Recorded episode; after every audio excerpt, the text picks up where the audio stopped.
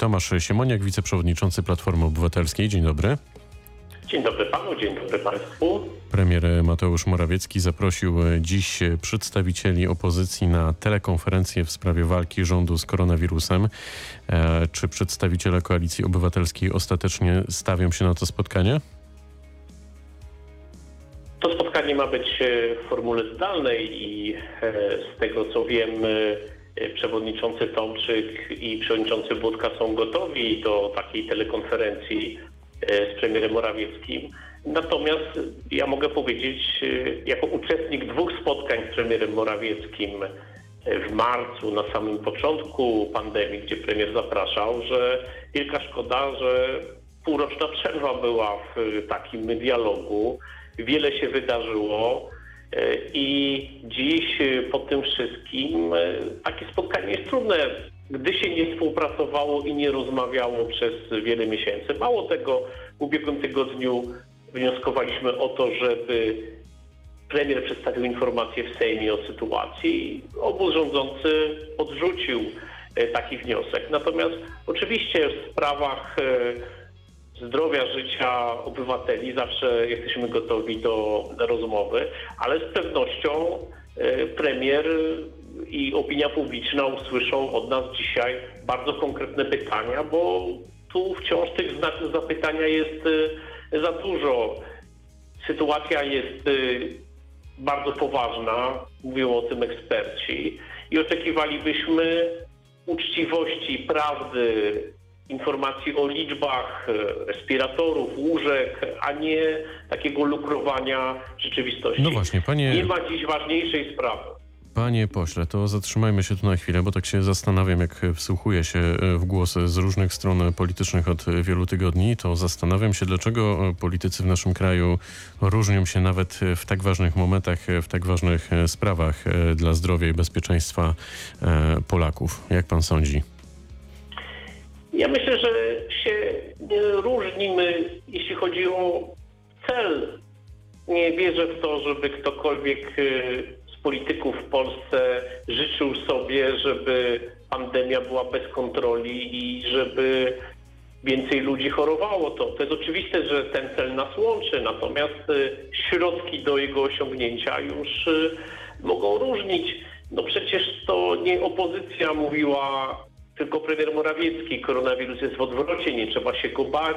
Wciąż słyszymy, nawet teraz, jakie to sukcesy Polska odnosi, jak to powinni nas inni podziwiać. Ja wspomniałem te spotkania marcowe z premierem Morawieckim. Pozwoliłem sobie oczywiście bardzo tak życzliwie powiedzieć wtedy, dziękując za zaproszenie, że doradzam E, mniej propagandy, a więcej meritum i że to wtedy ta współpraca i ta walka z koronawirusem będzie zupełnie inna. Ani premier Włoch, ani kanclerz Niemiec, ani prezydent Francji nigdy nie powiedzieli, że wygrali, że są najlepsi, że świat ich podziwia. Rząd jest od tego, żeby mówić prawdę i dobierać najlepsze środki e, do działania. Jeśli e, ta obecna sytuacja jakoś e, otrzeźwia, to bardzo dobrze. Ja myślę, że zdrowie obywateli obok bezpieczeństwa, bezpieczeństwa rozumianego też jako bezpieczeństwo zewnętrzne Polski, powinny być sprawami, które absolutnie łączą i przy których e, nie ma podziałów. Jeśli wpuszczamy tutaj do tego politykę i propagandę, to tylko może być e, źle. Dobrze, no to postawmy na konkrety. W takim razie, co właściwie Koalicja Obywatelska ma do zaproponowania w kontekście walki e, z COVID w naszym kraju? Gdyby, gdyby miał pan wymienić takie trzy hasła przewodnie, trzy konkrety, na, nawet w kontekście dzisiejszej telekonferencji z panem premierem. Przedstawiliśmy obszerny program.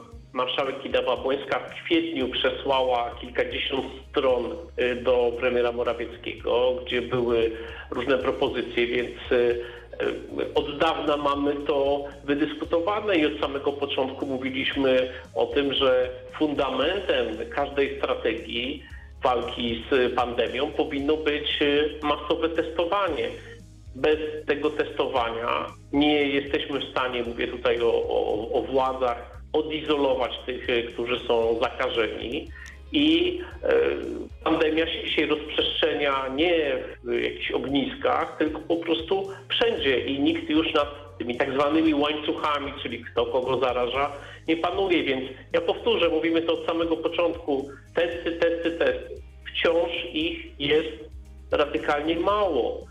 E, Kraje mniejsze od nas e, testują na znacznie większą skalę. Jeśli nie ma tych testów, jeśli to jest e, puszczone na taki żywioł, że czytałem wczoraj, że zainteresowani w Legnicy, Głogowie, Polkowicach czekają po kilka godzin na testy, za które płacą też z własnej kieszeni, to coś tu jest nie tak. Więc to po pierwsze. Po drugie, dofinansowanie służby zdrowia i sanepidu. To są te filary walki. Nie może być tak, że w sanepidzie brakuje etatów, brakuje ludzi, że ten obowiązkowy telefon z sanepidu jest e, wykonywany po kilku dniach, bo po prostu e, ofiarni urzędnicy, którzy tam pracują, no nie są w stanie setek czy tysięcy telefonów e, wykonać do ludzi. I po trzecie, wysyłanie bardzo jasnych sygnałów do obywateli, e, jeśli chodzi o maseczki, jeśli chodzi o dezynfekcję, jeśli chodzi o dystans, tu też e, e, pewnie i politycy, wszyscy tutaj widzieli prezesa Kaczyńskiego dwukrotnie co najmniej bez maski w ostatnich dniach, no, powinni dawać nienaganny przykład, tak? Więc e, te trzy elementy, o których tutaj wspomniałem, są konieczne i trudno nie mieć wrażenia, że w każdym z tych trzech obszarów e, no nie jest e, dobrze. Testów jest mało, sanepid niedoinwestowane, służba zdrowia na krawędzi wytrzymałości, a jeśli chodzi o e, przykład dla ludzi e, z maseczkami, no to lepiej nie mówić.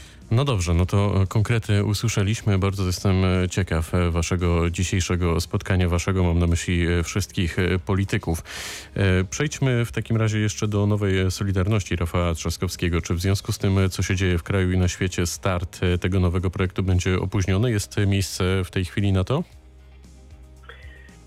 Na Solidarność, e, także nową, zawsze jest miejsce. Rafał Trzaskowski zapowiedział, że ten start ze względu właśnie na pandemię będzie mieć formułę takiej konferencji prasowej, czy rozszerzonej konferencji prasowej i że e, głównie przez e, sieć e, chce dotrzeć do obywateli. Od soboty uruchomiono możliwość zapisów. A kiedy to nastąpi? Się, W praktyce? Kiedy nastąpi ten start No. w praktyce?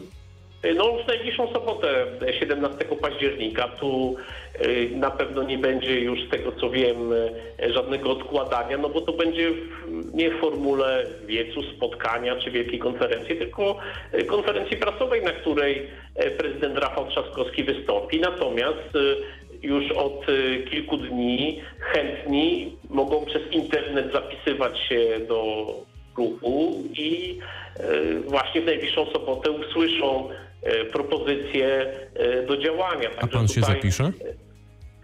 Ja się nie zapisuję, dlatego że uważam, że ten ruch, e, choć znam przypadki członków Platformy, którzy się zapisują, to przecież jest otwarte dla wszystkich, ale sądzę, że e, celem tego ruchu jest to, żeby pozyskać tych ludzi, którzy są trochę z dala od polityki, z dala od działalności e, partyjnej E, i ja jako wiceprzewodniczący Platformy sprzyjając temu ruchowi, namawiając ludzi, żeby się do niego zapisywali, kibicując Rafałowi Trzaskowskiemu, no sam się nie będę zapisywał, bo na innym polu e, mam działać. Ja zachęcam ludzi też, żeby się oczywiście zapisywali do Platformy. Mamy tutaj e, zwiększone zainteresowanie po lipcu, no bo Trzaskowski mówi tak, kto chce być w polityce, niech się zapisuje do partii, partii opozycyjnych, wybór tu e, szeroki, a kto chce działać poza partiami obywatelsko, to dla nich będzie ten ruch, więc e, zobaczymy. Oczywiście praktyka pokaże, natomiast e, uważam, że każda inicjatywa, która zwiększa aktywność obywateli, Trzaskowski mówi o pewnej dyskusji programowej, Trzaskowski mówi o inicjatywach obywatelskich, o zbieraniu podpisów pod projektami ustaw, no to są rzeczy bardzo wartościowe i bardzo potrzebne, choć pewnie w najbliższych tygodniach, miesiącach to właśnie sieć y, y, będzie tą areną, gdzie to się będzie rozgrywało, tak jak wielu już uczniów, nauczycieli czy to- y, pracowników pracuje zdalnie, tak? Także Będziemy to obserwować. Przyzwyczailiśmy się do tej zdalności. Ale bardzo jestem ciekaw, e, co e, wasi wyborcy powiedzą e, na temat e, przetasowań w gminnych e, spółkach e, na Dolnym Śląsku, bo oto córka prezydenta Jeleniej Góry, Anna Łużniak-Jabłońska, zastąpiła wiceprezydenta Wrocławia Sebastiana Lorenza i została członkiem Rady Nadzorczej e, Prowity we Wrocławiu. Z kolei wiceprezydent Wrocławia jest e, przewodniczącym Rady Nadzorczej e, Jeleniogórskiego Przedsiębiorstwa Wodociągów i Kanalizacji Wodnik. E, Czyli takie mocne naprawdę przetasowania roszady z Wrocławia do Jeleniej Góry i w drugą stronę. Jak pan rozumie takie ruchy personalne i jak mają to rozumieć mieszkańcy i wyborcy? No, niech rozliczają prezydentów miast, którzy takie decyzje podejmują. Ważne, żeby e, zawsze e, taka osoba była kompetentna. No, trudno też powiedzieć, że e, córka, czy syn, czy brat e, e, nigdzie nie może pracować. Oczywiście. Natomiast ja Myślę, że nikt nie absolutnie- popieram tego rodzaju, Mhm. Tego nie powiedział. rodzaju działań. E, One się e, rozpowszechniły. To nie jest tylko specyfika Dolnego Śląska. Słyszę właśnie o, e, o, o, o takim e, krzyżowaniu się czy przenoszeniu się. E, Uważam, że e, nie powinno tak się, tak się dziać, chociaż nie chcę się o jakimś konkretnym przypadku Jasne. wypowiadać. Ja panie- bo, ja, panie e, wiceprzewodniczący, Nie chcę, mhm, nie chcę tutaj pytam. mówić jednostkowo, bo, bo nie, nie znam każdej z tych sytuacji w szczegółach.